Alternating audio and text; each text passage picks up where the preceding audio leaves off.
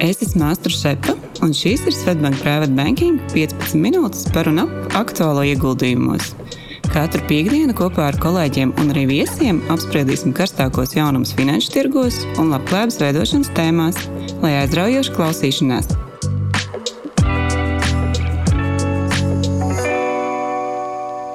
Labdien, mūsu klausītāji un Svetbank Private Banking klienti!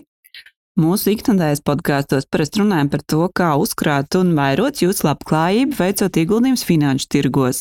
Taču šodien mēs esam izvēlējušies, manuprāt, ļoti aizraujošu tēmu, kurā arī varam veikt daļu no saviem ieguldījumiem.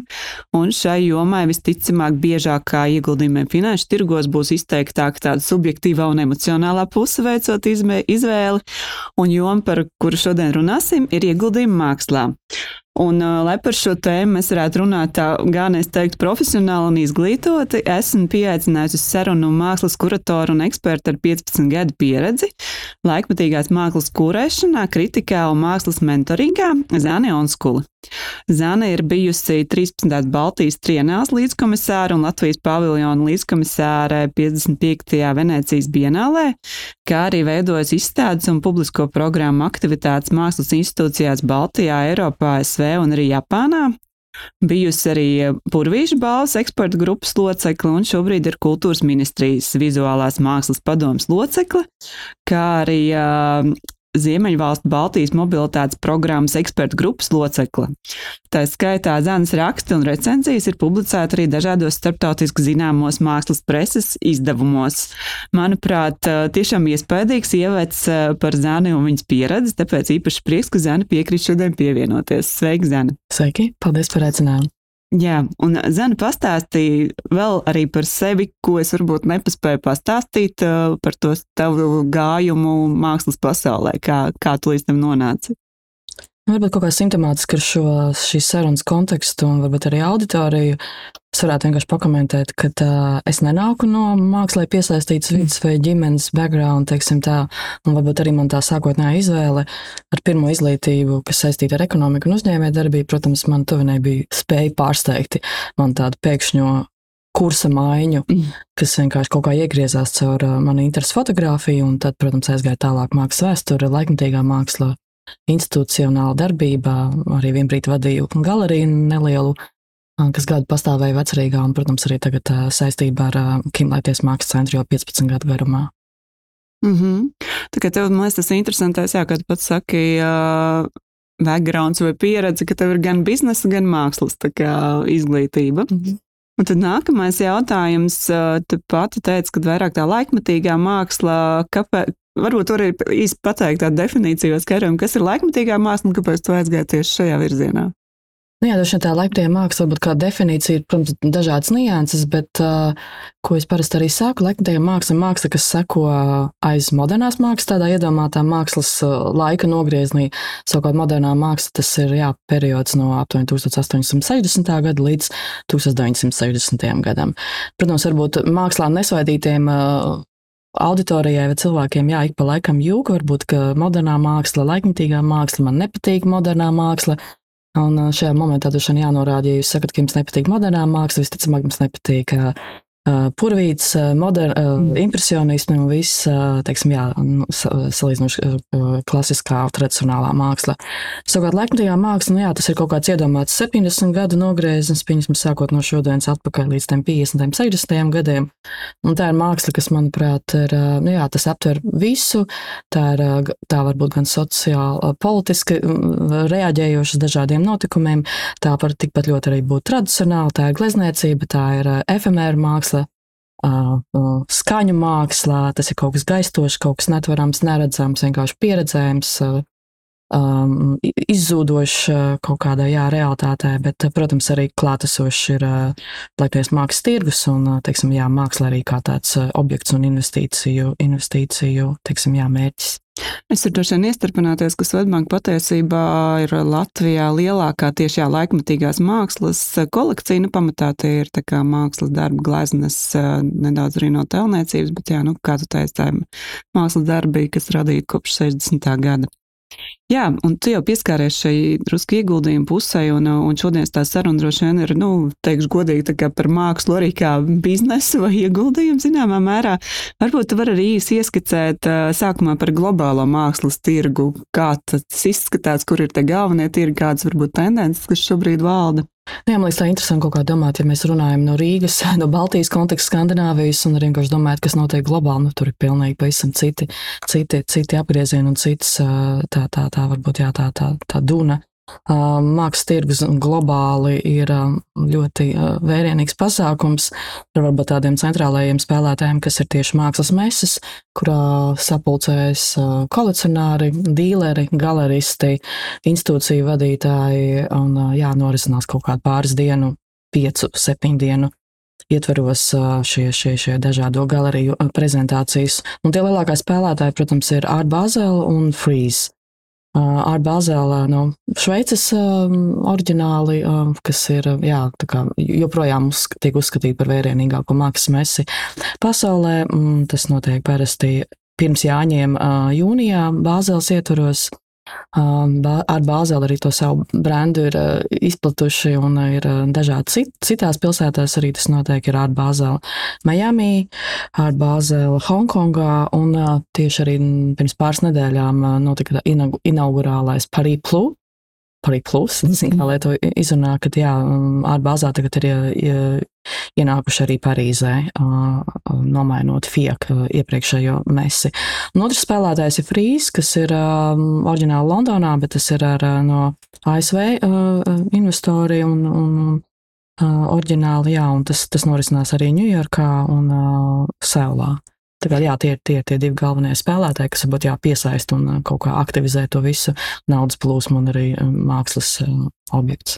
Tas, ko es esmu lasījis, ka no tāda varbūt tirgus izmēra vai to mākslas darbu tirgus apjoma ziņā, kā ASV diezgan dominējoši uz 40%, kurus varbūt arī vilktu līdzības arī finanšu tirgiem, kur arī ASV ir tas dominējošais tirgus. Un nākamais varētu būt Eiropa, ja? vai, vai kaut kas Āzija arī. Visticamāk, var tā būt Āzija. Āzija arī tagad tā tendence ir tādas, ka tas tirgus jāpaliek arvien, arvien tāds, kā no viens pus vienotāks, tajā pašā laikā, protams, ir tās kaut kāds starptautiskā, nu, katra reģiona specifikas, bet jā, tas arvien vairāk piesaka Āzijas izcelsmes kolekcionāri ar pavisam cita, cita veida ieguldījumiem un apmēriem, kas kaut kā jātur savādāk to balansu vai, vai tas tirgus pārplūst.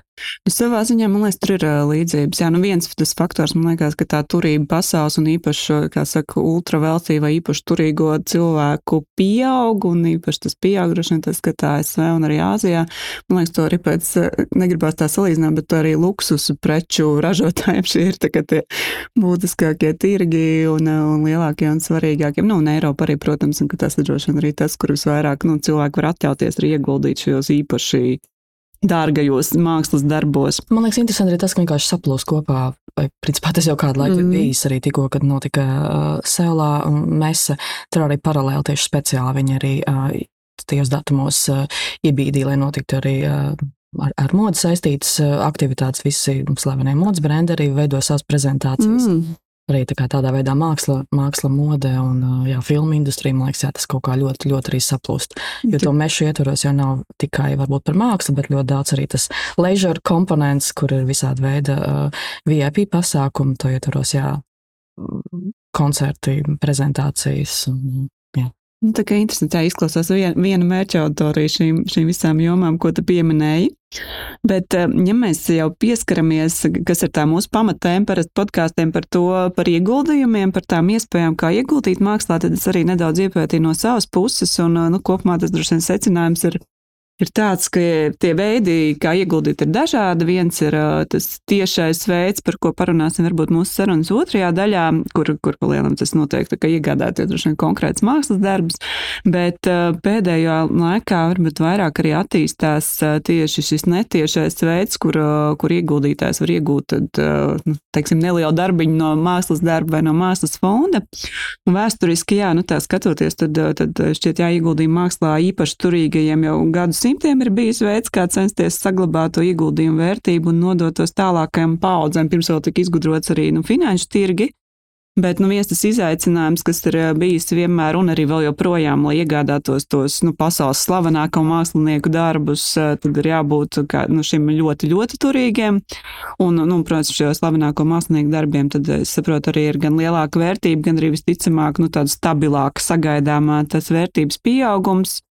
Un alternatīva, ka ieguldot tādos mazāk zināmākos māksliniekos, nu, droši vien tas lielāks risks, vai tieši šis mākslinieks izšaus un vai šī darba vērtība pieaugs. Nu, tā tas tāds viens izaicinājums, principā, droši vien, lai tādu drošāku atdevi mākslas darbos ieguldot dabūtu, ir jābūt nu, ļoti lieliem līdzekļiem pieejamiem. Un uh, otra lieta, par, kas ir vēsturiski bijis par ieguldījumiem mākslā, ka atšķirībā no ieguldījumiem finanšu tirkos arī šis likviditātes jautājums, jo nu, kā nu, tipiski jau nu, nav tā, ka uzreiz šos darbus droši vien var pārdot. Tāpēc mūsdienās kā risinājums uz šiem izaicinājumiem vēsturiskiem ir parādījušies arī platformas un pat mākslas fonda birža, kur tas galvenais mērķis ir vismaz daļai risināt šos izaicinājumus. Un uh, vismaz daļa no šīm platformām arī apgalvo, ka viņi palīdz demokratizēt, ja padarīt pieejamu pieejamāku mākslu. Kā es minēju, ka nu, ir piemēram tāda mākslas investīcija platforma Masterworks, kur, ir, kur jums iespēja ieguldīt pasaules slavenu mākslinieku, piemēram, Picasso vai Andy Warhol mākslas darbos nelielu daļiņu. Tur tas minimālais ieguldījums ir 15,000 dolāru. Arī nav maz, bet jūs varat kļūt par, par daļēju Picasso darbu īpašnieku. Un uh, otrs arī par runājot arī par biežu, ko es pieminēju, tad šogad ziņās daudz arī bijis info par to, ka Lihtenšteins princis kopā ar komandu komanda ir izveidojuši mākslas fondu biežu Arteks, kur, kur līdzīgi kā parastā biržā tiks organizēta mākslas darbu IPO un minimālais ieguldījums būtu pat sākot no 100 dolāriem. Tā kā nu, šis ir tas tā saprot, ka viens no virzieniem, kas attīstās pēdējos gados, ka šī mākslas demokratizācija, kad ir iespēja ieguldīt šajos chip māksliniekos arī ar nelieliem ieguldījumiem. Varbūt tev par šo arī kaut kāds komentārs vai viedoklis. Jā, man liekas, šis ļoti, ļoti uh, interesants, aizstošs un aizraujošs uh, pēdējo gadu uh, jaunumi mākslas, mākslas tirgu un jaunu attiecībās demokratizāciju. Tas noteikti varbūt piesaista uh, to autoriju, kas no vienas puses, jā, varbūt nav tā pieeja vai, vai iespēja tikt uh, jā, klāt pie mākslas um, tirgus vai, vai dažādām galerijām un nav varbūt to kontaktu, bet varbūt arī no otras puses arī nav arī īpaši vēlme. Varbūt tas, jā, tas šajā gadījumā varbūt tas ir vairāk par jā, tādu investīcijām tieši finansiāli aspektā. Protams, mākslas konteksts ir svarīgs, bet varbūt jā, šiem cilvēkiem, kas lielākoties visticamāk ir salīdzinoši gados jaunāki investori no dažādiem startupiem. Jā, viņiem varbūt var, nav pat nepieciešamība vai vēlme šo darbu fiziski arī uzlabāt mājās pie, pie sienas. Jo, protams, ja Ja tiešām iet, iet, iet runa par ļoti vērtīgiem mākslas darbiem, tad tur tālāk izslēdzas, jā, kā, kā šos darbus uzlabāt, kā viņus apdrošināt un, un, un citi saistītie, saistītie aspekti. Mākslas vidi, man liekas, attiecībā uz šīm platformām, šiem, šiem jaunajiem, jaunā tipa, teiksim, jā, uz, mākslas uzņēmumiem skatās varbūt nedaudz ar piesardzību. Jo, nu jā, no vienas puses tā ir iespēja, bet varbūt jā, māksla, kā zināms, nav tik ļoti likvīda uh, prece, un varbūt mm. tas, tas, tas varētu būt arī kaut kādā veidā ne. Šobrīd nav īsti skaidrs, kā, kā tas, kā tas vispār jā, var, var nest kaut kā tādu peļņu ilgs, ilgspējību.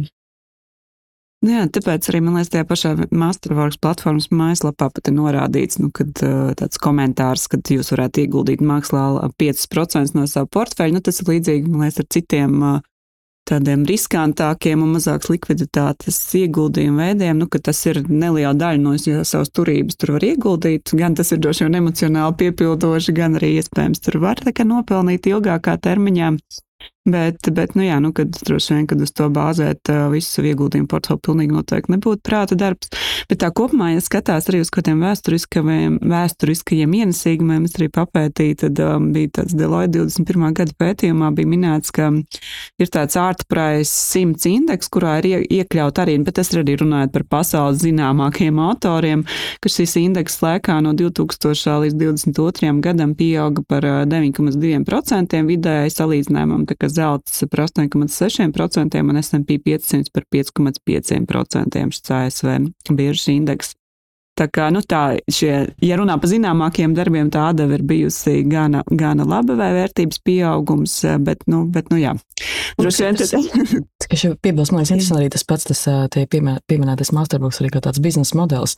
Es kaut kur arī uh, klausījos arī kāds podkāsts, ka runā mākslas profesionāli, ka varbūt tas ir uh, labāks tas biznesa modelis ir tas pats masterbox nekā, nekā potenciāli ieguldīt. Jo viņi, viņiem ir diezgan, jā, man liekas, tas, tas uzņēmums diezgan agresīvi un pārdomāti jā, se, par sevi komunicē. Viņiem arī, ņemot vērā arī tādu dibinātāja īpašnieka um, nākšanu no mākslā piesaistītas vidas, ir diezgan labi kontakti arī viņam Sotbijs un uh, izdevīgāk varbūt ir nosacījumi, kā tiek iegādāti darbi. Viņi pat neiegādājas darbus, viņi vienkārši viņiem varbūt tas uh, darba iegādāšanas periods ir nevis kā pāris 30 dienu laikā, varbūt nezinu, pāris miljonu gleznu, bet viņiem dot trīs mēnešus un pa to mm. laiku jau ir uh, mm. jau, jau, jau šiem darbiem jau ir tas fractional shares jau ir, jau ir nodrošināta. Kā man liekas, arī tādā veidā ir interesanti paskatīties, kā, kā varbūt no mākslas nākuši individi, jā, tādā veidā varbūt sniedz kaut kādu alternatīvu pienesumu, nevis vienkārši atver, atver galeriju. Šis super interesants komentārs, tāds insēders no tavas puses par to mārketingu. Es piekritīšu, es pieregistrējos tur, lai saprastu, kā viņi darbojās. Es esmu saņēmis jau ļoti daudz e-pastu un piedāvājumus no viņiem. Bet labi, tas jā, parunājām par tādu pa, iespējām ieguldīt globālajā tirgu un tādiem jauninājumiem, tā kā, kā ieguldīt mākslā šajā platformu veidā. Varbūt atgrie, atgriežamies pie tāda piezemētāka un uh, gadu simtiem jau saprotamāk veida par, uh, par ieguldījumiem tiešā veidā, un man liekas, ka šajā tu noteikti droši vien esi eksperti pastāsti par, par tām iespējām, jā, teiksim, nu kā, kā tāds Baltijas investors, kā viņam izvērtēt un vai vispār ieguldīt droši vien Baltijas mākslā vai kādā reģionālā. Nu, Kādas tās iespējas? Jā, tādas, tādas platformas kā iepriekš minētās, protams, Latvijā, Baltijas kontekstā nepastāv, bet jā, dažs vien te, te vairāk darbojas ieguldīšana tiešā veidā, kas, kas arī var būt vairākos virzienos. Tas var būt ieguldīt mākslinieku attīstībā, sākot no izglītības vai materiālu iegādē, atbalsts studiju, studijas procesam, mākslinieks kā darbojas studijā. Bet, protams, arī jā, var, var ieguldīt darbos, tos iegādājoties mākslas izsolēs, kas noteikti organizē dažāda, dažādas galerijas, kas vairāk strādā varbūt ar vēsturisko, tradicionālo mākslu, bet arī, protams, ar laikmatīgo. Tā kā tas varētu būt tas, jā, tas fokus. Mm -hmm. okay, tas ir principā nu, tāda, kā teiksim, izvērtēt vai atrast Baltijas mākslinieku. Tas ir nu, darbs ar galerijām. Jā, galerijām arī, jā, ar institūcijām var konsultēties arī muzejos. Un, Mm -hmm.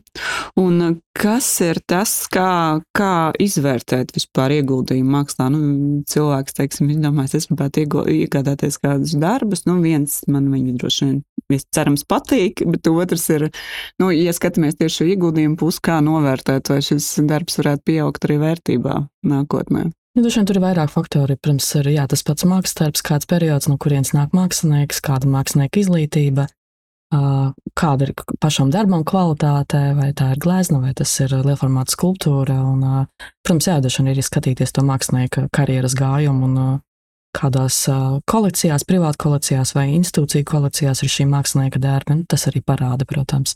Ja tas ir pavisam jauns autors, tas var būt cits stāsts. Protams, vienmēr ir arī riska moments, bet ja, ja šī persona kolekcionārs vai mākslas interesants, entuziasts, vienkārši jūt varbūt jā, to vilkmi pie šī konkrētā autora un, un viņa darbiem. Tas, tas kurā gadījumā vismaz tāda emocionālā atdeve tam noteikti būs, bet, bet protams, tā paredzēt to mākslas darba vērtības pieaugumu ir samērā grūti. Un riskanti droši vien. Jā, tā, ka... Protams, ja iet runa par nelielām salīdzinošām summām, tad varbūt tas risks ir mazāks. Bet... Mm. Nē, nu, tas, tas, ko es komentēju jā, par to, cik procents no tās savas droši vien, kad portfeļa vai kā ieguldīt mākslā un reiķināties, ka tas ir relatīvi augsta riska un, un, un zemes likviditātes, bet, bet droši vien jā, ir šī emocionālā puse un varbūt arī sociālā iespēja atbalstīt šos māksliniekus. Bet kā tu kopumā varbūt raksturotu arī to Baltijas mākslas vidi, cik tā ir attīstīta, kas ir tie interesantākās galerijas vai mākslinieki arī? Nu, tīri, lai jā, klienti labāk saprastu. Nu jā, Baltijas mākslas vide ir droši vien balstīta uz institūciju darbību, sākot no 90. kad, protams, jā, mainījās uh, sistēma un uh, vairāk sev pieteicā tieši laiknieks mākslas institūcijas un diezgan arī Latvijas gadījumā, tā kā mums nav laik, Latvijas laiknieks mākslas uh, muzeja, šīs funkcijas pildē vairākas bezpēļņas organizācijas, bezpēļņas uh, institūcijas, kas aizpilda šo robu muzejs kā ļoti svarīga arī um, institūcija laikmatīgai mākslai būtu, jo tas tādā veidā arī leģitimizē un arī vairo statusu šai, šāda tipa mākslā un, un pasaka un norāda, ka, jā, ka tas ir svarīgs komponents sabiedrībā. Baltijas ietvaros, jā, Igaunijā un Lietuvā varbūt ir vairāk attīstīta arī institucionālā leknijas mākslas vide, arī galerijas vēsturiski. No Viļņas Lietuvas noteikti jāizceļ Vērtāja galerija, kas jau, jā, jau 30 gadu ietvaros jau aktīvi darbojas un starptautiski reprezentē māksliniekus mesēs un un dažādās, dažādās institūcijās, kā arī viņi diezgan aktīvi strādā divos virzienos. Gan veda mākslas interesantus kolekcionārus, potenciālos kolekcionārus vizītēs starptautiski, kā arī, arī aicina uz, uz Lietuvu dažādus kolekcionārus dīlerus, eh, māksliniekus, galeristus, lai arī tiktos ar vietējo vidi. No Igaunijas droši vien tas svarīgākais spēlētājs mākslas uh, tirgus ietvaros ir uh, Temnikau Kasela galerija, kas arī pastāv jau kādus 15 gadus ļoti, ļoti veiksmīgu programmu um, Igaunu un arī starptautiskiem māksliniekiem. Viņi, viņi arī sadarbojas kopš pirmsākumiem ar latviešu gleznotāju Ingu Melderi, mm. kurai arī ir tāds jā, stabila tā karjeras izaugsme, un galerija šajā gadījumā ir augus kopā ar, ar šo mākslinieci, kas man liekas arī ļoti jauks stāsts. Latvijas gadījumā varbūt grūtāk izcelt, teiksim, jā, komerciāli veiksmīgas, ļoti redzamas galerijas ar aktīvu programma, bet, protams, mums, mums pastāv galerijas XO un Alma varbūt no tādām komerciālajām būtu izceļamas, un citas ir vairāk tāds tādi hibrīdi formāti starp mēģinājumiem būt varbūt finansiāli, gūt kādus mm. panākumus, bet arī vairāk varbūt fokusēties uz to savu uh, programmu, kā, kā izstāžu veidošana. Uh, jā, tādās kulāros, protams, jā, mēs runājam, ka Latvijā nepastāv mākslas tirgus, uh, līdz ar to Tev ir kas atsevišķi kaut kā tādi jā, sporādiski, sporādiskas aktivitātes.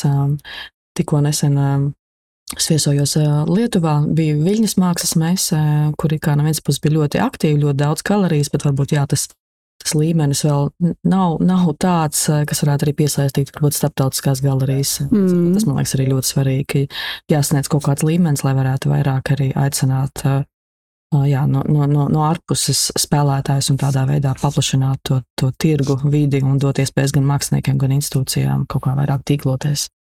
Vēl viens, man liekas, tāds interesants jautājums, īsi nokomentē, kas ir no tādiem Latvijas māksliniekiem, tavuprāt, jaunās paudzes, kas ir tādi starptautiski veiksmīgākie vai dzirdamākie šobrīd? Nu, protams, ir ļoti grūti izvēlēties, mm. lai, lai, lai piedot autori, bet, nu, varbūt jā, tas arī pēc nesenās pieredzes strādājot ar mākslinieku, taču jāpiemina Indriķis Ķelzis, kas ir Rīgā bāzēts un aktīvi strādājošs mākslinieks strādāju ar vairākām galerijām Eiropā un ASV. Un jā, tā diezgan mērķiecīgi um, sakojot studijām, Hiska Nīderlandē ir jā, vienkārši to, to savu praksi ir attīstījis. Un um, arī viens no, teiksim, jā, ne tik uh, liels grupas uh, māksliniekiem, kas, uh, kas um, jā, pats, pats diezgan aktīvi arī spēja artikulēt par saviem darbiem, komunicēt ar dīleriem, ar galerijām un jā, virzīt to savu karjeru. Mm -hmm. Ok, interesanti. Un tad šeit jau tāds noslēdzošais jautājums, tad vēlreiz par to, kas, nu, teiksim, Latvijas iedzīvotājiem, mūsu klientam, ja vēlās spērt šos pirmos soļus, kas ir tas, ko tu ieteiktu varbūt darīt, lai iepazītos to mākslas pasauli un izvēlētos, teiksim, darbus, ja tas kādam ir interesēs? Nu, viens, protams, ir sarunas sākotnēji, ko mēs runājam par masterworks un tāda tipa mhm. platformām, kur mm -hmm. nevajag nekādu, nekādu ļoti in iniciāciju šajā visā procesā. Vienkārši jā, varbūt sākt lasīt internetā un, un konsultēties un varbūt pieteikt to savu uh, frakcionālu mm. daļu no, no šī darba, bet otrs ir, jā, varbūt, ja ir interese, laiks, uh, resursi, gan, uh, gan uh, tuvināties mākslā, mākslas vidē, tā noteikti vienkārši jā, ir um, mākslas izstāžu apmeklēšana, izstāžu atklāšana, apmeklēšana. Galeristu uzrunāšana gan vietēji, gan reģionāli, gan arī starptautiski. Noteikti iesakām ir apmeklēt Venecijas mākslas bienāli, kas ir starptautiski ārpus mākslas mesēm viens no svarīgākajiem mākslas notikumiem. Vēsturiski mm -hmm. jau 130, 140 gadus notiek Venecijā. Katru gadu gan tie datumi nedaudz mainās, bet aprīļa, aprīļa beigās, laikam, laikam šogad, nu jā, tas, tas, tas noteikti ir. Un, jā, Mhm. Tā kā iespējas ir, iesaka sākt izglītoties, un, un droši vien no manas puses sasumējot, kā jau arī teicu ievadā, šis, šis ir vien, noteikti viens, viens no ieguldījumu veidiem, kaut kas vēsturiski ir ticis izmantots, turīgo privātu personu vidū tam ir gan, gan liela pulsa, kā šis, saka, šī emocionālā, cerams, pozitīvā puse un sociālais, ieguldījums arī mākslas attīstībā. No otras puses, protams, jā, tas ir varbūt mazāk likvīds un arī augstāka riska, tāpēc eh, šajā daļā iesakam ieguldīt eh, relatīvi nelielu daļu no savu portfeļa, bet uh, Noteikti. Ceru, ka šis eh, podkāsts bija noderīgs tiem, kas vēl apsver šo tikai sākt un, eh, jāsaka, iezīmēt tos pirmos soļus un iespējas, kā, kā var sākt ieguldīt mākslā tos, kurus tas ir interesēs. Tā kā liels paldies, Zena, par eh, interesanto sarunu. Paldies! Paldies mūsu klausītājiem un tikšanos nākamajā epizodē. Audio saturā dzirdētā informācija nav uzskatāms par ieguldījumu konsultāciju vai ieteikumu slēgt finanšu tirgus darījumus vai ieguldīt finanšu instrumentos. Paldies, ka klausījāties! Lai izdevusies diena un uz tikšanos nākamajā sarunā!